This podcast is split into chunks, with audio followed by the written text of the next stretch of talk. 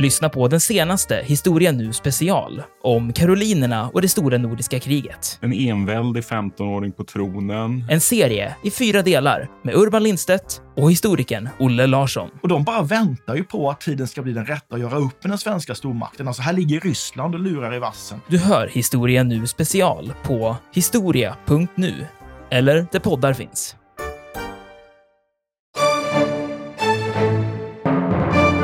Dessutom så borde rimligen Atlantis undergång ha nämnts i någon av alla de grekiska sagor som finns om kung Minos och hans rike, där man nämner alla möjliga andra gudomliga ingripanden, eh, tjurmänniskor och annat, men inte ett ord om att en kontinent skulle ha sjunkit. Det borde man ha sagt om det hade funnits någon tradition kring det. Här finns alltså Daidalos och Ikaros flygfärd och ingripande från alla möjliga gudar, men inte Atlantis, utan det är bara Platon som 1100 år senare drar upp det här utan att länka det till Kreta alls.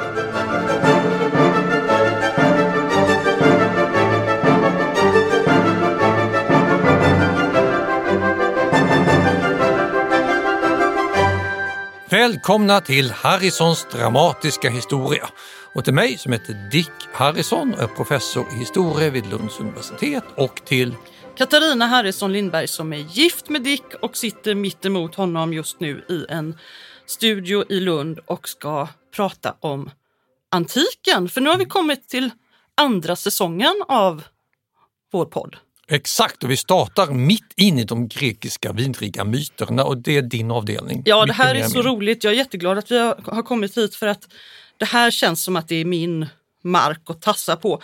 Jag lärde mig läsa med, i grekisk mytologi och när eh, vår dotter var liten så berättade jag myter för henne. Jag startade med Theseus och Minotauren och allt som hade med dem att göra, hur den här unge hjälten tog sig till Kreta och tog sig in i den här labyrinten med hjälp av tråden och jag glömmer aldrig när vi skulle åka båt i Grekland. Hon var tre år gammal. Hon kunde peka ut Egeiska havet och berätta att uppkatt efter kung Aikevs som störtade ned när Theseus återkom och hade glömt att sätta på rätt segel. Ja, det är allmänbildning för en treåring. Ja, det är klart det. Det här är ju inga nya historier. Det här har man berättat om hur länge som helst. Men eh, vad man osökt drar sig till minnes då, det är ju den här labyrinten som Theseus kommer till och som ska vara så stor och hemsk och omöjlig att hitta ut ur. Och Theseus han kommer från fastlandet. Och mm. Historien är den här, väldigt kort nu då, att varje år så blir den atenska kungen ombedd att skicka sju flickor och sju pojkar till Kreta av kungen som håller till där för att de ska skickas in i den här labyrinten och bli offer för det här hemska monstret som bor där inne, minotauren. Och, eh, hälften tjur, hälften människa. Ja, precis. Och det är en blodtörstig, hemsk varelse. Och eh, Theseus, han är kungason, han växer upp med det här. Han ser ju barn försvinna, liksom, eller unga ynglingar och flickor försvinna varje, ja, jämt och ständigt. Och till slut så har han blivit vuxen och då ser han till att han själv kommer med på ett av de här skeppen som ska gå för att han vill helt enkelt ta död på minotauren. Och så gör han upp med sin pappa att eh, om han klarar det här, att minotauren dör och han kommer tillbaka, då ska han skicka, då ska han hissa vita segel tror jag. Och eh, är det så att eh, det inte har gått, då kommer skeppen tillbaka med svarta segel, för de seglar med svarta segel eftersom det är en sån hemsk händelse där. Och, eh, ja, sen glömmer man sig. Sen, det glömmer man sen, men han lyckas ju i alla fall ta död på minotauren. Han tar sig in i den här hemska labyrinten med hjälp av Ariadne som han träffar. Som, som man sen dumpar på en ö. Ja, en hemsk Karna, och sen, sen vållar han indirekt sin pappas självmord och så går han och blir hjälte i Aten. Ja, det är men, greken. Ja, men det här är greker. Det är, det är grekisk drama. Det är så det går till. Och man gillade sånt här på den tiden och man gillar det fortfarande. Men eh, labyrinten, ja, Dick då kommer ju då den stora frågan, finns det någon sanning bakom den här myten? Alltså skala bort Ariadne på ön och gudomligt ingripande och eh, Tesevs märkligheter i övrigt fanns det en labyrint. Fanns kung Minos som då är den här kungen på Kreta och som är ett upphov till den minoiska civilisationen. Finns det någon bakgrund i allt det här?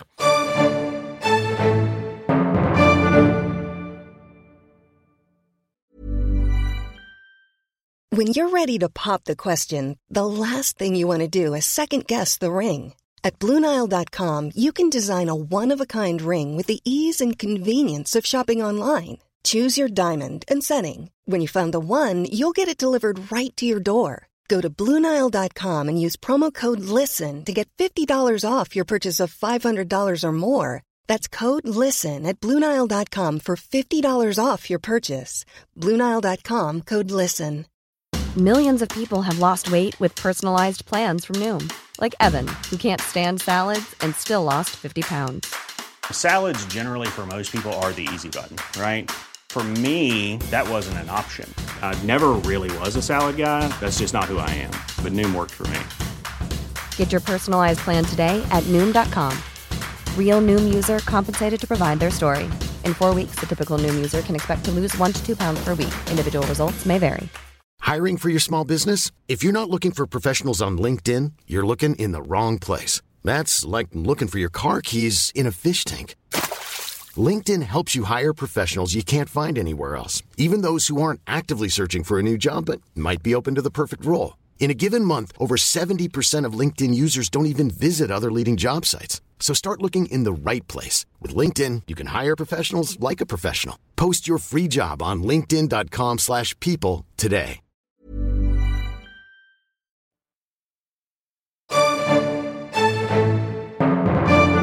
Vi tittar på labyrinten. Enligt myten så ska den vara byggd av en människa, av mästaren Daidalos, som fick i uppdrag av Kuminos att göra det här. Minos, han residerade i Knossos och det är en riktig plats, väl utgrävd, så det är inget snack om att Knossos har funnits. Och mytens labyrint ska då ha varit ett fängelse för Minotauros. Själva ordet labyrint kan också spåras tillbaka till det gamla Kreta, för det går tillbaka på labryx och det är en yxa med två äggar. En sån här dubbelyxa och den fungerade som maktsymbol just i det minoiska Kreta. Alltså ordets originalbetydelse, labyrint, är ungefär dubbelyxans palats och det finns gott om sådana här dubbelyxor här och var från den här epoken. Det har alltså inte att göra med att det är rörigt och stökigt Nej, nej, och svårt nej. att komma ut och lätt att gå fel och så. Utan det är absolut helt- inte, en utan annan- eh, rejäl yxa som du kan hugga med på båda sidor. Och det är vad labyrint egentligen betyder. Och ett palats där du förvarar sådana yxor. Eh, de som sen betvingade Minona, alltså när fastlandsgreker tar över Kreta, då har de i en inskrift som vi kan tolka idag skrivit labyrintens härskarinna. Så det har funnits någon sorts idé om att labyrint, själva ordet har varit viktigt, det är något som man har härskat över. Ett större hus med dubbelyxor. Så något har det i alla fall varit. Men längre än så kommer vi inte när det gäller ren språkvetenskap. Och överhuvudtaget är det här folket minorerna, alltså Minos folk, ett gåtfullt folk. De var inte greker, talade säkert inte grekiska, utan ett annat av oss idag helt okänt språk. Deras skrift, linje A som vi kallar det, är inte tolkad. Så, så det, det vilar mängder av förutfattade meningar och okunskap kring det här folket. Men för grekerna var de alltså betraktade som fienderna som man bekämpade och då var Minotauros, den här tjurfiguren, den symbol man hade för att verkligen eh, måla upp dem som den här fienden. Tjuren hade också mycket stor betydelse i den minoiska kulturen. Så vi vet egentligen inte med säkerhet att det är just palatset i Knossos som man, man ändå ofta brukar säga är, Nej, är men den här men det är bekvämt att tro det, för det är utgrävt. Ja, det är bekvämt att tro det. Precis, det är utgrävt. Det grävdes ut på eh, 1890-talet av en brittisk arkeolog som hette Arthur Evans. Och egentligen så talade man redan under antiken att det skulle varit det här som var originallabyrinten. Men åtminstone sedan 1800-talet så har man blivit mer och mer inkörd på att det måste vara detta. Det finns alternativ. Ja, det finns alternativ. Det finns Kreta, om man ska beskriva geografin lite grann. Det är en ganska det är en långsträckt ö. Ser lite grann ut som om man tänker sig Öland fast vänd åt andra hållet. Så den är smal och lång. Eh, den är ungefär 26 mil lång och 6 mil bred. Och utmed dess norra kust, ganska på mitten på magen av ön, där ligger Knossos. På precis andra sidan, liksom på ryggen då ner till på den södra kusten, där ligger en plats som heter Gortyn som också har någon sorts labyrint, eh, labyrintiskt grottsystem som man också har tänkt att ja, det skulle kanske kunna vara den här labyrinten. Men de flesta hävdar ändå att det är Knossos som eh, har en väldigt invecklad eh, arkitekturplan och är, är lite labyrintisk. Det är det man, man upplever när man kommer dit och tittar. Mm. Men vad hände med de här minoerna och deras civilisation då? Det finns ju ett skäl till att de inte finns kvar och kan bli utfrågade. Deras språk är som sagt okänt. Och det vi vet, och nu snackar vi inte skriftlig dokumentation utan arkeologi, men mycket tydlig arkeologi med många fynd, det är att de blir ersatta av fastlandsgreker omkring 1400 f.Kr. Då hittar man fastlandsgrekisk, mykensk, helladisk skrift, linja B, och deras arkeologiska föremål.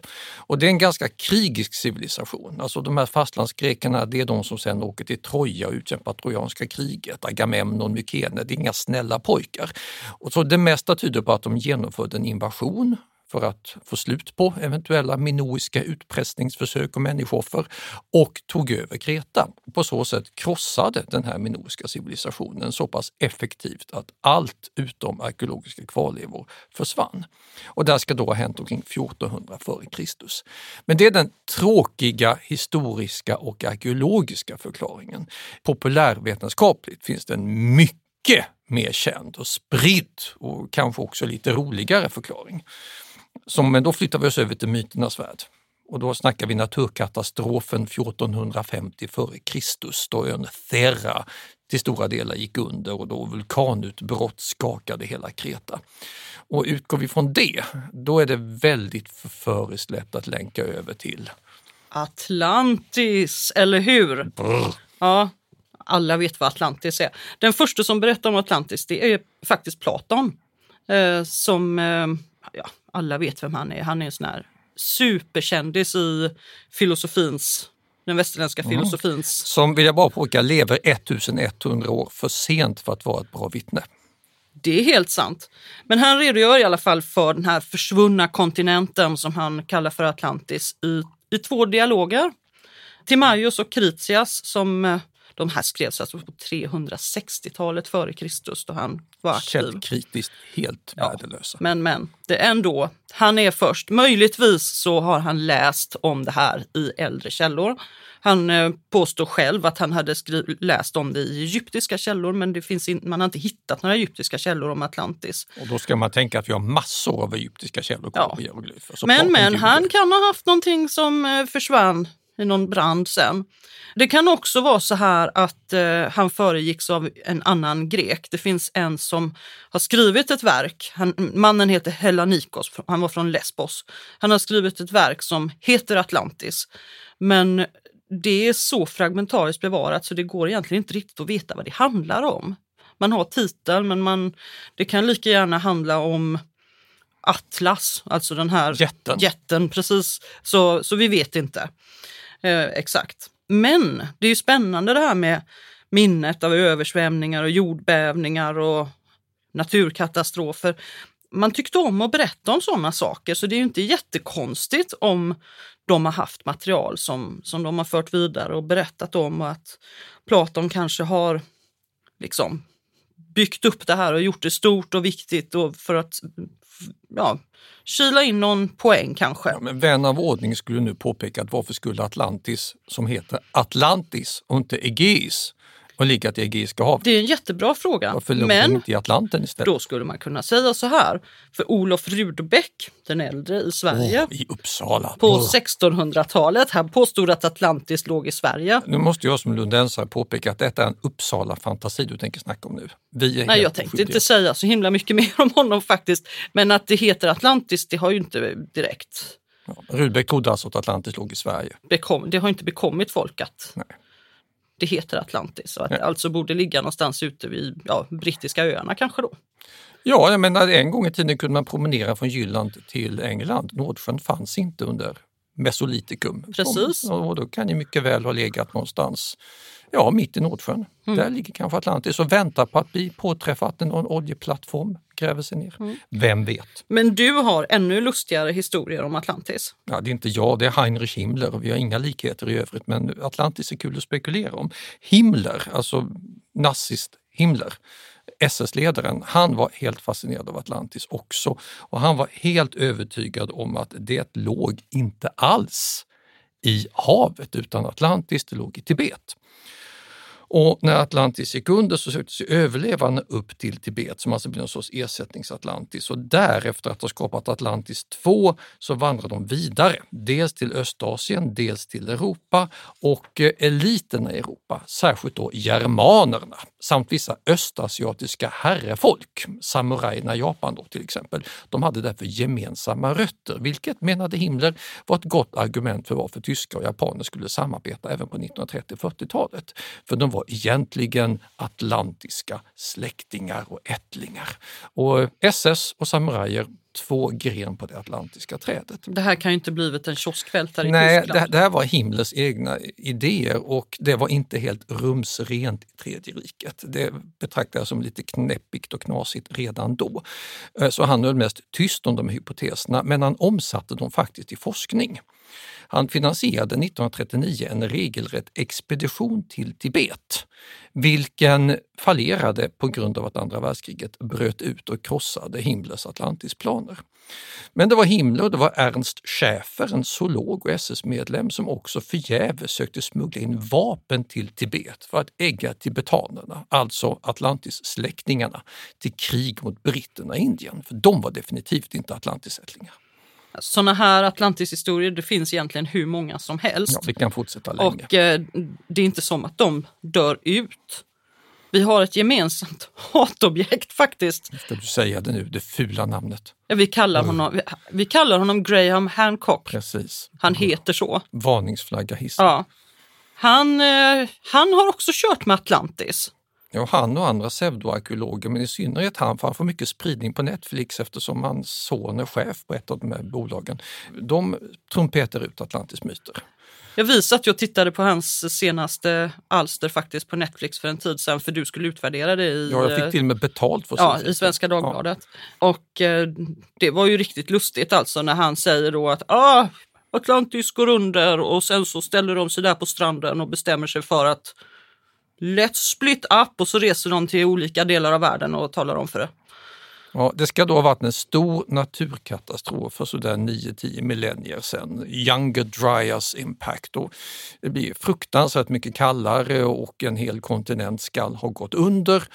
Och då sätter sig Atlantisinvånarna i båtar och åker runt över hela världen och så väntar de x antal tusen år innan de bestämmer sig för att ge de stackars överlevande jordborna någon liten uppfinning. Det här är så orealistiskt så man smäller av. och skrivkonst gör de lite senare och så portionerar de ut de här uppfinningarna då med 1000-2000 års mellanrum. Och det här kan man då se rester av i prekolumbianska pyramider i Mellanamerika och i konstiga grottsystem i Indonesien och lite av varje. Givetvis utan tillstymmelse till belägg. Och sen så plockar han in en massa riktiga arkeologer och historiker som får stå där som vetenskapliga samveten så klipper han och redigerar om vad de säger och man blir mörkrädd när man ser det.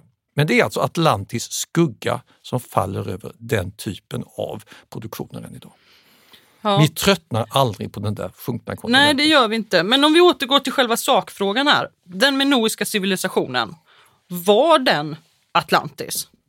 Vad som talar starkt emot att den här minoiska civilisationen var identisk med Atlantis, det är att alla de undersökningar som har gjorts av husen och palatsen, alla mätningarna av asklager från forntida vulkanutbrott, allt det här ger vid handen att visst, det var naturkatastrofer, för sådana har man i östra medelhavet. Det har man nu också, hemska vulkanutbrott och jordskalv.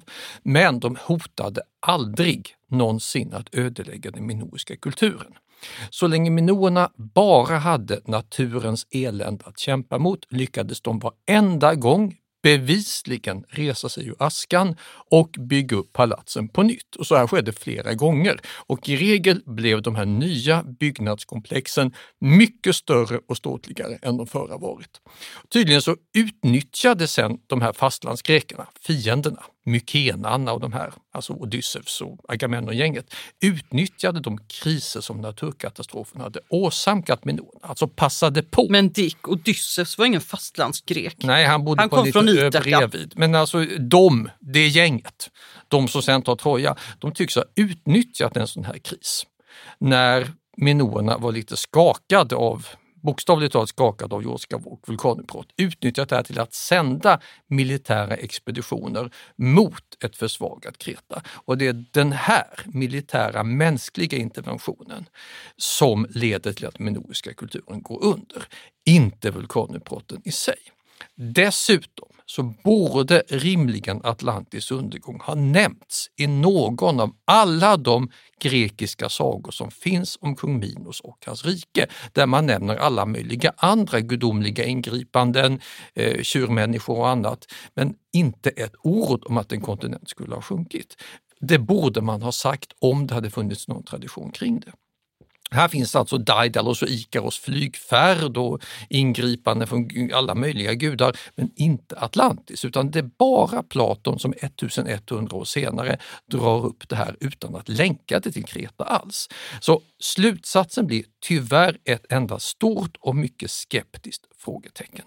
Tidsavståndet mellan de här minoiska naturkatastroferna och Platons levnad, det är över ett millennium. Och det är för lång tid för att vi ska kunna lägga teorin till grund för verklig historieskrivning. Det allra mesta talar för att det inte finns någon som helst koppling mellan Atlantis och de gåtfulla minorerna och deras civilisation. Och detta då beroende på att det egentligen inte finns några källor som talar för det. Exakt. Men Det har ju funnits andra riktiga det har ju funnits andra ställen. Om man går till andra delar av, eh, av världen. Ut med Atlantkusten i Bretagne till exempel och vid tysk-danska kusten så har man under lång tid berättat historier om städer och länder som dränktes i havet eh, när det kom in vågor och sådär. Eftersom invånarna bröt mot Guds lagar. De syndade svårt och straffades av himlen. Ja, och vissa av de här myterna vilar faktiskt på verkliga händelser. Som i fallet med staden Rungholt. Ja, det är bra. Det känner många inte till, men Nej. det är ett riktigt Atlantis. Det- Hos oss. Precis. Rungholt det var en stad, en nordfrisisk stad som under högmedeltiden blomstrade på en liten ö. Den hette Strand. Eh, Den låg i Vadehavet. Det är ett område som numera ligger vid Schleswigs västkust i allra nordligaste Tyskland. Alltså Alltså inte, där, inte, inte långt från Danmark. Nej, precis. Och den 16 januari 1362, tänk att vi har ett datum på detta, då dränktes den här staden och alla invånarna i en väldig stormflod. Och i flera sekler efter att det här hände så betraktades Rungholt som en sagostad som bara hörde hemma i legender som man berättade för barn för att skrämma dem. Men, För att de skulle hålla sig på mattan och icke synda. Nej, som. Rungholt-invånarna hade gjort. men att det här hade ingenting att göra med den riktiga historien. Enligt en populär myt så skulle Rungholts välförtjänta undergång ha föregåtts av att invånarna var gudlösa och att det var bara prästen som klarade sig, berättade man. Men på 1900-talet så tvingades man ändra uppfattning. För då eh, skedde det så, alltså tidvattnet och mm, jag vet inte exakt hur det gick till faktiskt. Men eh, i alla fall så... Det blev tidvis torrlagt. Ja, det där. måste ju ha varit så. Det måste ha blivit torrlagt. Om det var tidvatten eller om det bara var torrt. Men i alla fall så, så började det sticka upp saker ur, Vadehavet. ur Vadehavet. Ja. Så man hittade rester av eh, vallar och brunnar och husruiner och keramik och en massa saker. Och allt det här som man hittade där kunde man då datera till tiden före 1362. Så man hittade Rungholt helt enkelt och kunde plötsligt säga att de här sagorna de var ju helt sanna. Det här hade ju faktiskt hänt. Kanske inte det där med synder och prästen som simmade upp till ytan. Ja, jag men- tror precis även det. Ja, även det. Även det. Oj. Nej, men det, Nej, det här var ju kan- faktiskt, kanske inte även det. Det var en stor arkeologisk sensation i mellankristtidens Tyskland för det visade sig att man kunde utvärdera invånarantalet i Rungholt också. Och det är ingen liten Nej, byhåla. det var alltså mellan 1000 och 2000 personer som bodde där och det här är då på medeltiden när städer var små. Det kanske var så här 400 personer, 600 personer som bodde i en stad. Det här är en ganska stor stad alltså. Mm. Ja, Lund hade cirka 2000 invånare. Uppsala hade väl 800-900 invånare. Alltså det, det är småstäder och det hade 2000. Och allt gick då under på den här daterade, mycket historiska superöversvämningen som vi känner väl till. Och det är ju häftigt. Där har vi alltså en riktig Atlantis i vår del av världen som inte tillhör myterna, men som man har trott att Och det visar vad som kan hända om det faktiskt blir rejäla översvämningar. Så Platon kan ju ha återberättat en sån historia, men sen låtit staden och byn glida in i hans egen moraliserande läggning i förhållande till hur människan beter sig. Och i så fall, ja då finns kanske Atlantis fortfarande någonstans i Medelhavet eller Atlanten och väntar på att upptäckas.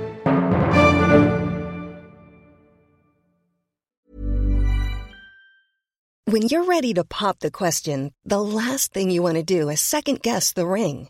At Bluenile.com, you can design a one of a kind ring with the ease and convenience of shopping online. Choose your diamond and setting. When you find the one, you'll get it delivered right to your door. Go to Bluenile.com and use promo code LISTEN to get $50 off your purchase of $500 or more. That's code LISTEN at Bluenile.com for $50 off your purchase. Bluenile.com code LISTEN. Hey, I'm Ryan Reynolds. At Mint Mobile, we like to do the opposite of what Big Wireless does. They charge you a lot, we charge you a little. So naturally, when they announced they'd be raising their prices due to inflation, we decided to deflate our prices due to not hating you. That's right. We're cutting the price of Mint Unlimited from $30 a month to just $15 a month. Give it a try at mintmobile.com slash switch. $45 upfront for three months plus taxes and fees. Promo for new customers for limited time. Unlimited more than 40 gigabytes per month. Slows. Full terms at mintmobile.com. Millions of people have lost weight with personalized plans from Noom. Like Evan, who can't stand salads and still lost 50 pounds. Salads, generally, for most people, are the easy button, right?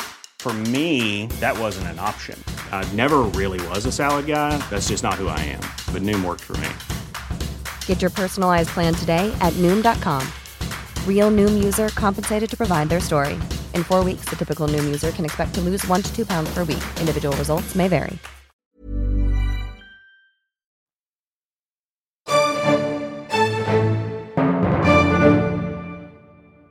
Men det är då Atlantis och det kan vi spekulera om i evighet. Men hur är det med de andra grekiska myterna? För här finns ju väldigt, väldigt Det finns mycket. ju hur många historier som helst och vi kan ju inte ta upp, jag menar Teseus och Minotauren, det är ju bara en i ett hav av spännande berättelser. Och det kanske inte är någon som går omkring och tänker att Teseus och Minotauren har funnits på riktigt, men andra personer i de här historierna har ju faktiskt funnits på riktigt. Vad vi brukar göra när vi konfrontera en sån som kung Minos och kung Tesevs. Minos, den gamle kretensiske superhärskaren, Tesevs, Atens förgrundsgestalt, det är att vi kallar dem halvhistoriska. Det vill säga visst, de kan ha funnits men vi kan inte uttala oss om dem. De står någonstans mittemellan myt och verklighet.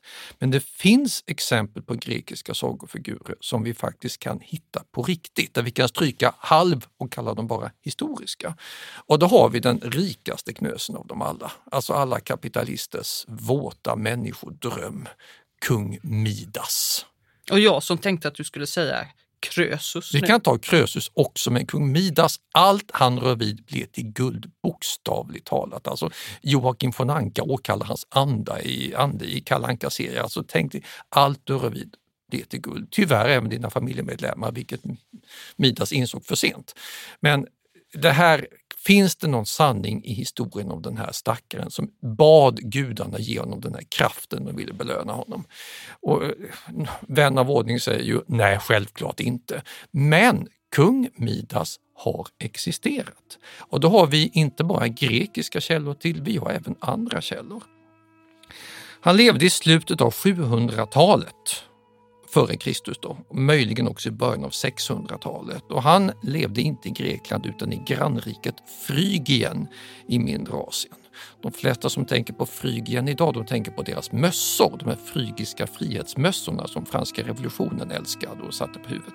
Men Frygien i mindre Asien hade en kung som hette Mita, eller Mita, Mitas, och eh, härskade då över vad man i Assyrien kallade Morski, ett grannfolk i Anatolien som hade underkuvats av frygerna. Och det här är en ganska stark och mäktigt rike med karavanleder i sig som leder till handelsinkomster. Slutet på Midas eller Mitas historia blev tragiskt eftersom ett nomadfolk som hette kimerierna angrep angrep både Assyrien och Frygien och orsakade katastrof för båda folken. Kung Sargon av Assyrien stupade i strid mot dem och för Midas del slutade historien med att hans rike gick under. Och enligt grekisk tradition, för grekerna bodde ju grannar också och var väldigt imponerade av Midas rikedom, så skall han ha begått självmord genom att dricka tjurblod när det stod klart att kimerierna inte kunde stoppas. Man har också grävt ut hans huvudstad, den frygiska huvudstaden Gordion, känd för sin berömda knut som Alexander den store ska ha löst upp med ett svärdshugg.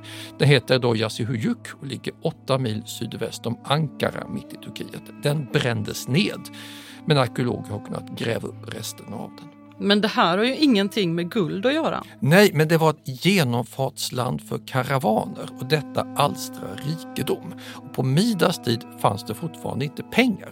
De uppfinns på 600-talet i Lydien, ett grannrike. Eh, så det var ganska mycket ädelmetall och andra värdeföremål som kom alltså in natura.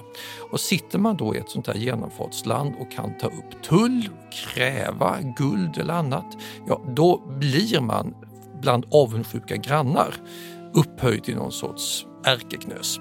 Och som sån gick Midas alltså till grekisk historia och man bevarade minnet av honom långt efter hans död.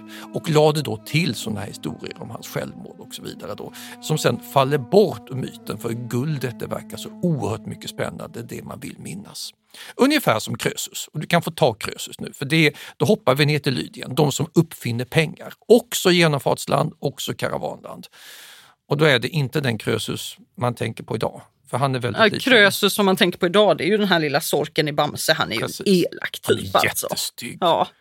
Men nej, men det har ju funnits en riktig Krösus men alltså, också. Tack vare Rune Andreasson och Bamse så har alla unga hört talas om Krösus. Ja, och de kanske tror... är det så att de eh, trots allt tar reda på vem den verkliga Och gör de inte det, då kan de få veta det nu. Mm. Mm. Så hör upp nu alla barn. Det har funnits en verklig Krösus. På grekiska kallas han Kroisos. Han var kung i Lydien. Och Lydien, det, det ligger också i Turkiet idag. Västra Turkiet, ja. gränsar till Egeiska havet. Ja, precis. Och han var kung där från 560 till 547 eller 546.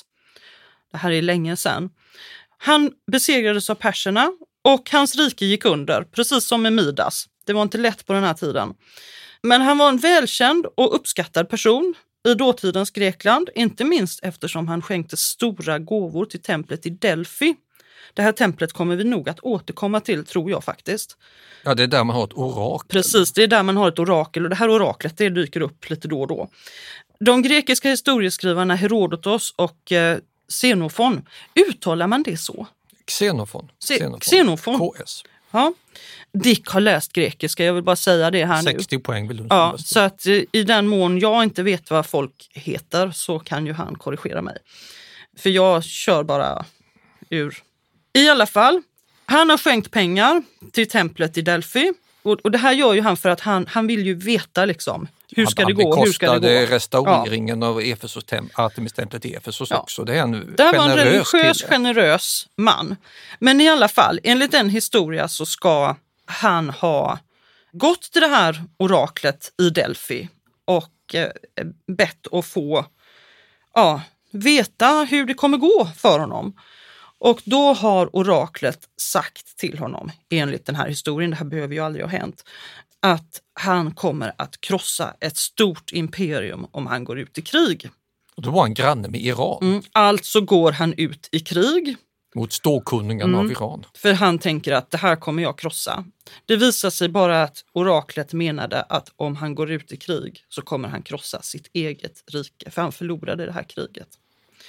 Och så var det ofta med, med oraklet faktiskt. Att det var väldigt dunkelt, man fick li, liksom lite märkliga svar och, och sådär. Så man, så man skulle nog ha struntat i att gå dit och tänkt själv egentligen. Jag gillar slutklämmen i hans historia.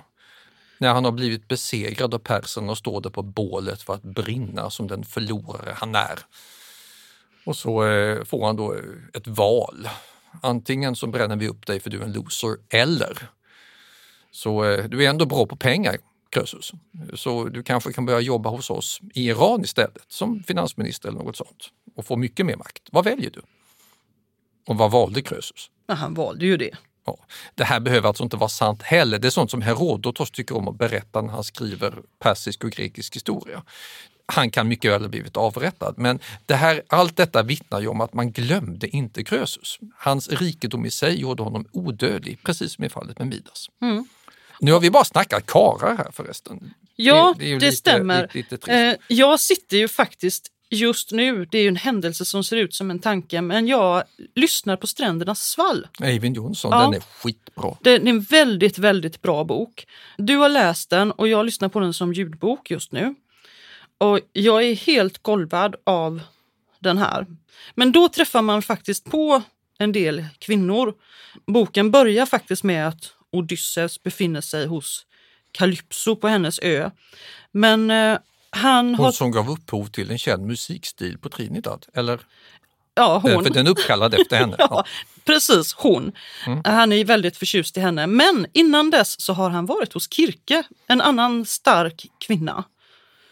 Ja, det är intressant här, vi snackar starka kvinnor nu när vi är i antikens Grekland, för vi kommer in på det i nästa avsnitt och då är det patriarkatet som vidrigast möjliga exempel i Aten. Men Ja, samma som förtryckte kvinnor där hemma tyckte det var väldigt kul att berätta om starka mäktiga kvinnor och myter. Och just Kirke är ju då en gestalt som man inte kunde tränga bort ur minnet, som man hela tiden återkommer till i flera olika epos.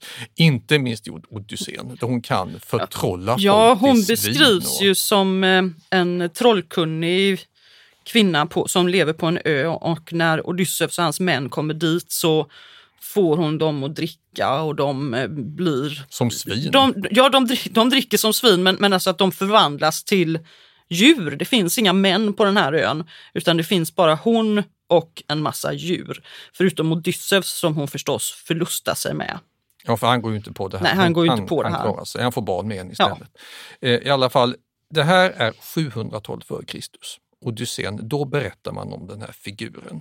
Odysseus han får då hjälp också kan man säga av guden Hermes som kommer in och bibringar honom sin gudomliga insikt så att han ska klara sig. Eh, men Kirke, hon stannade kvar. Alltså man kunde inte låta bli att berätta om henne. Kanske för att det var den här patriarkala rädslan för den starka kvinnan som kunde eh, manipulera män och bestämma över män och ha insikter som inte de hade. Så romarna ärvde det här och man fortsatte att berätta Kirke-historier långt fram i tiden. Romerska poeten Ovidius, han levde vid tiden för Kristi födelse, han, enligt honom så förvandlar Kirke en kung i Italien som heter Picus till en hackspett. I en annan myt blir hon svartsjuk på en nymf som heter Skylla och förvandlar henne till ett monster som sen dyker upp i Odysseen också. Så hon dyker upp som någon sorts sån här femme fatale, farlig förförisk kvinna som det gäller att undvika i många av de här legenderna. Och sen så blir hon dessutom eh, förknippad med trollkonst och häxerier överhuvudtaget. Och de som framförallt älskar det här det är ju konstnärerna. Det finns jättemånga häftiga, snygga Kirkemålningar och under renässansen och 1600-1700-talet så får hon en ny vår och Kirke alstrar nya idéer hela tiden. Och det skrivs romaner om henne i vår tid också. Hon är nästan lika kusligt spännande som Medea. Ja, man kan ju nästan inte säga att Medea är ens favorit, men jag måste säga att jag gillar Medea lite grann. Därför hon påminner om Gudrun i Ja, Völsungasagan, din faktiskt så. stora favorit. Um, Medea är också en sån här superkänd kvinnlig eh, figur i de, i de grekiska historierna. Hon eh, sägs vara faktiskt släkt med Kirke. Att hennes bror, Kirkes bror, skulle alltså ha varit Medeas pappa. Han ska ha hetat Aietes och eh, bott i Kolkis, ett rike som ligger i dagens Georgien vid Svarta havet. Och det riket har funnits på riktigt. Ja, ja. Det här ligger precis i, alltså i östra, Delen av Svarta havet, längst bort. ja precis. Så att det är en, en kust, eh, ett kustland. Men hon är framförallt förknippad med sagan om hjälten Jason. Han som söker efter det gyllene skinnet tillsammans med sina argonauter. Det här kunde man se på film när jag var liten. Ja, Harryhausens underbara, skeletten får liv. Ja, Ja, sådana filmer gör de inte längre. Nej, sådana filmer gör de inte längre. Väldigt bra film. Men i alla fall, så där, det, var min första, det var mitt första möte med, med Medea och där var hon liksom inte den här grymma personen utan vacker. Ja, hon är hygglig och snäll och ja. hjälper hjälten ja. och klarar av drakar och skelettmonster. Och det var en sån här filmhjältinna. Men om man går till de grekiska dramerna, om man går till Euripides till exempel, som har gjort ett drama med hennes namn, som heter Medea då. Där hjälper hon Jason att vinna det här gyllene skinnet och hon följer med honom och hon, går med, och, och, och, hon hjälper honom med trolldom och han lovar att han ska gifta sig med henne. Och sen sviker han henne. Som den kar han är. Som den kar han är. Så han bestämmer sig för att istället gifta sig med en prinsessa. Och, eh, en... Då blir hon rasande! Ja, då blir hon rasande. För, för Medea då, hon har fått barn med Jason och det är, de lever familjeliv när han överger henne för den här prinsessan för att liksom komma upp sig. Och eh, så hon, hon, blir så fruktansvärt arg så att hon eh, Dels så vill hon ju att, att han ska lämna den här prinsessan men han, han gör inte det utan hon hämnas så att eh, ja, alla dör. Hon mördar dessutom sina egna och Jasons båda söner innan hon ja, flyr iväg i en drakvagn. Ja. Och sen fortsätter hon att leva och hitta på nya saker för grekerna gillade de här tjejerna. De ville att de skulle få fler liv efteråt och kunna hitta på nya saker och stoppas in i nya äventyr. För någonstans så gick de hem i stugorna. Ja, och jag gillar henne för hon påminner lite grann om Gudrun i Völsungasagan. Och den, den historien den kommer vi återkomma till, inte i den här säsongen men nästa kanske säsong. i nästa säsong. Då blir det mycket Völsungasagan kan jag lova. Men i, i den historien där finns det en hjälte som heter Sigurd. Ja, han är den här typiska manliga superhjälten. Ja. Sådana finns ju lite överallt. Simpson han påminner inte riktigt om Jason, han påminner mer om Herakles. Ja, och då är vi tillbaka i Grekland igen. Manliga mm. superhjältar. Har Herakles, alias Herkules, funnits? Han som en morgon stod upp i alla sin ungdom Fuller av ångest och tvik hur hans leverne börja skulle. Ja, sånt som förr lärdes utan till i svenska skolan. Georg Stjernhielm, Herkules, Herakles. Har han existerat? Eh, ja, Ingen som bildat sig en uppfattning om den antika kulturvärlden vid Medelhavets kuster och i Främre Orienten kan undgå att imponeras av hur många som gillade Herakles. Man berättade om honom överallt. Han letade sig in i massor av mytologier, inte bara den grekiska. Han har också blivit Disneyfilm. Ja, ja, till och med där. Och han dyker upp i eh, mängder av andra kulturkretsar. Etruskerna kallade honom Herkele, romarna Herkules. Eh, så, så det här är alltså en person som verkligen var enormt populär i hela medelhavsvärlden och som säkert många trodde hade funnits. Och som man sen givetvis insåg att han kan inte ha gjort alla de underverken, men nog tusan har det funnits en förlaga. Hans söner och hans ättlingar ska ha erövrat Grekland någon gång under bronsålderns slut, ingången till järnåldern. Man använde hans ättlingars historia som, som någon sorts historisk förklaring till varför det såg ut som det gjorde. Så han hade en större betydelse för historieberättandet än vad de flesta vet idag. Och när det gäller de här tolv stordåden och hans märkliga död när han får den här fällen som Deianeira ger honom, alltså det, det, det trodde man naturligtvis inte helt och hållet på. Men hur är det med hans personliga existens? Ja, man kan inte arkeologiskt fastställa den. Alltså man, man har inte hittat hans eh, lejonkåpa och hans svärd och så vidare, hans klubba. Ja, för det om man såg Herakles på bild. Känner man igen honom direkt? Ja, då hade han ett, en lejonfäll över, över ryggen och han hade en klubba. Mm. Mm. Så, och det här har man inte hittat. Tyvärr då. Men ska man då vara lite mer källkritisk så kan man tänka, om nu Herakles har existerat, när levde han i så fall? Ja, han var en mytfigur långt innan Homeros skrev till verket på 700-talet. Så vi måste förlägga honom till bronsåldern, alltså någonstans mellan 2000 och 1000 f.Kr.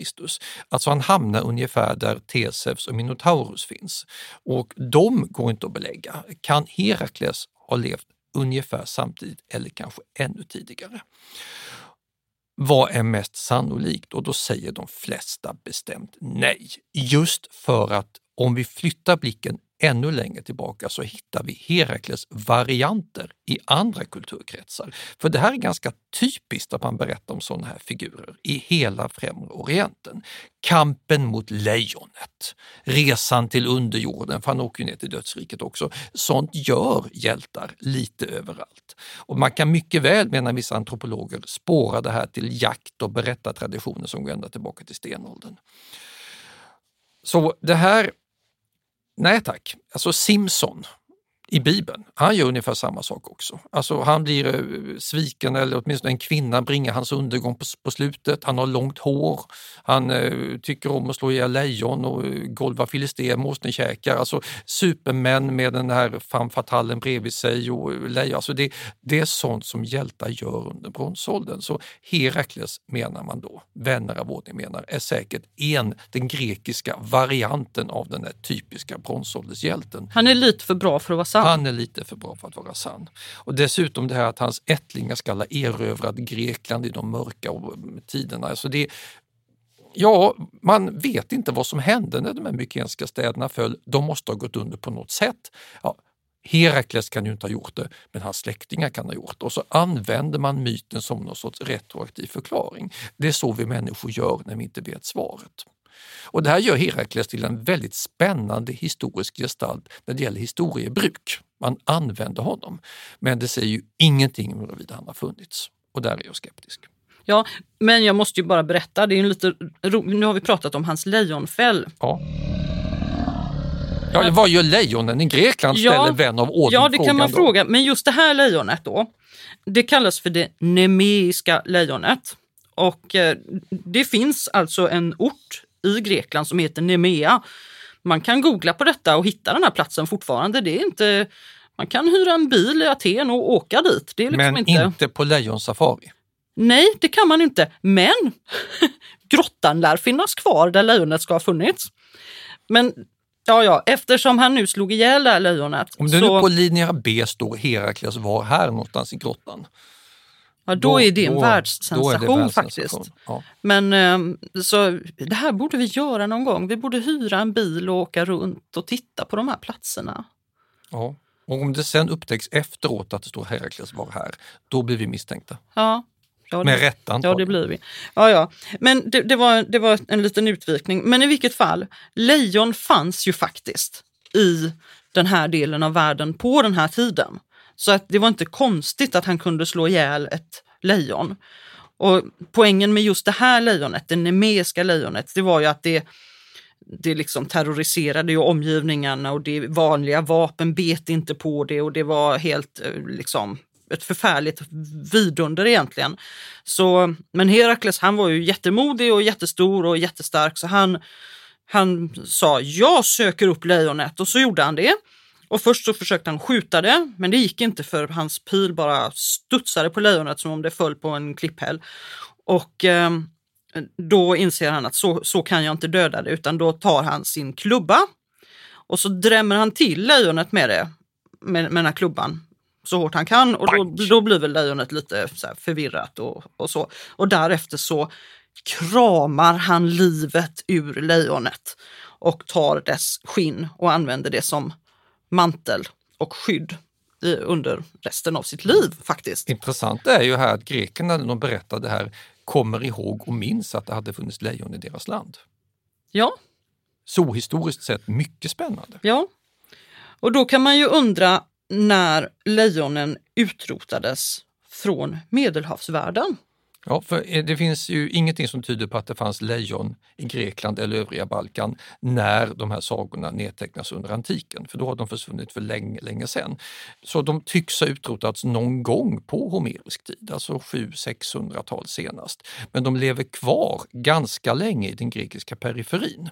Inte många som känner till det idag, men om du hade åkt till Turkiet och Syrien på 1800-talet så hade du riskerat att stöta på lejon. I Kaukasus levde de kvar ännu längre. I Iran hade man lejon fram till 1940-talet, så du hade alltså en mycket stor främre orientalisk och sydösteuropeisk lejonfauna. Är det härifrån romarna plockar lejon till sina Romarna plockar lejon därifrån och från Afrika. Men allt detta, och det här är det verkligen sorgliga, har alltså vi människor utrotat fullständigt. Och den enda lilla resten av de här våra lejon då, det är de som finns i Indien och det är inte många som finns kvar där, där heller. Men flyttar vi, fram, flyttar vi tillbaka sikten till en grekisk bronsålder, tidig järnålder, då har vi alltså en fauna som har likheter med den afrikanska i Europa och sydvästra Asien. Och det här gäller ju för övrigt inte bara lejon. Vi har ju haft elefanter också. Ja, det är ju faktiskt väldigt häftigt. Små gulliga söta elefanter. Ja, Mindre än de afrikanska. vi har ju varit eh, i, i Catania på Sicilien väldigt många gånger. Mm. Och eh, om man... Eh, det, är, det är en väldigt vacker plats ska jag säga. Man äter mycket god fisk där och, det är, det är jättefint. Utsikt mot Etna Ja. som alltid har utbrott nästan. Och det är en barockstad och det är fantastiskt fint. Men om man befinner sig på torget utanför katedralen så finns det en skulptur. Den är gjord av lava, så det är en svart, en alldeles svart skulptur. Eftersom Etna ligger bredvid Ja. och spyr ut lava så har man gott om den Ja. råvaran. Och lava är väldigt lätt att forma och, och så, för det är ju ett, trots allt ett ganska mjukt material. Och det här är en elefant som sitter på, på torget där. Ja. Och den är inte ny, utan det, det är en gammal Ja, Antik skulptur. Nej, det är en, antik skulptur som, sitt, som står där av Men- ett litet, en liten elefant. Elefant. Ja. Och den minner ju då om en tid då det fanns gott om elefanter i medelhavsvärlden. Mm. Precis som det fanns lejon. Och de dog också ut eh, för att människor ställde till det. Men man använde elefanter i krigföring och sådana saker medan de fortfarande fanns. Ja, Hannibals tåg i valpen är väldigt känt. Men Ja. eh, romarna är på den punkten helt skyldiga för de vill ju ha de här små lättfångade elefanterna att paradera runt och slå ihjäl i de här väldiga cirkusspelen. Venatio som det hette, alltså djurhetsningar och djurdödande som man tyckte var väldigt roligt att sitta och titta på. Extremt barbariskt och det ledde till att den nordafrikanska elefanten utrotades för alltid. Inga lämningar finns kvar mer än sådana här skulpturer som den som man hittade och fortfarande kan titta på i Catania. Utrotning av djur, det är inga nya grejer.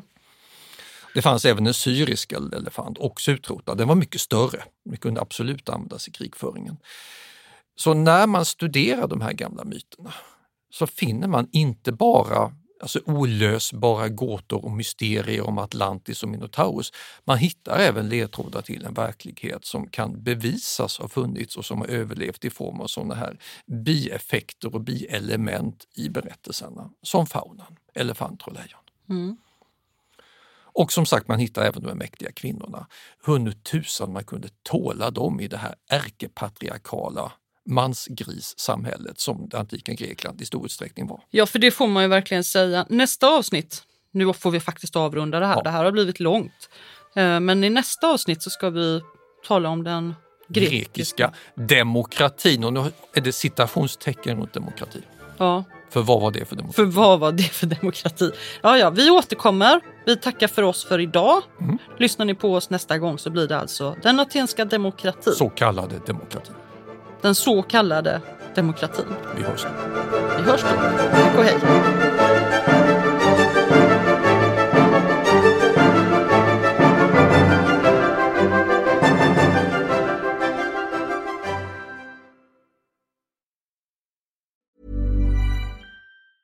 Planning for your next trip?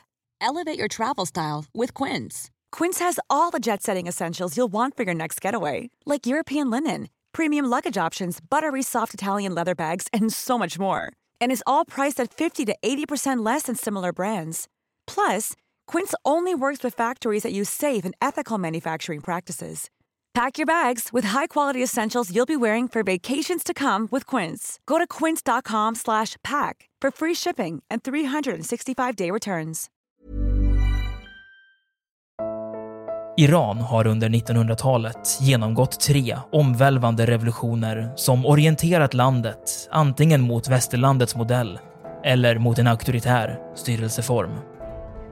Idag pågår en social revolution i landet som vänder sig mot det islamistiska styret och vars anhängare har Europa och väst som förebilder. I en viktig bok ger idéhistorikern Mohammad Faslashemi en djupare förståelse för dagens dramatiska händelseutveckling. Iran mellan tre revolutioner är utgiven av förlaget Historiska Media. Beställ den fysiska boken på förlagets hemsida historiskamedia.se eller köp den i en bokhandel nära dig.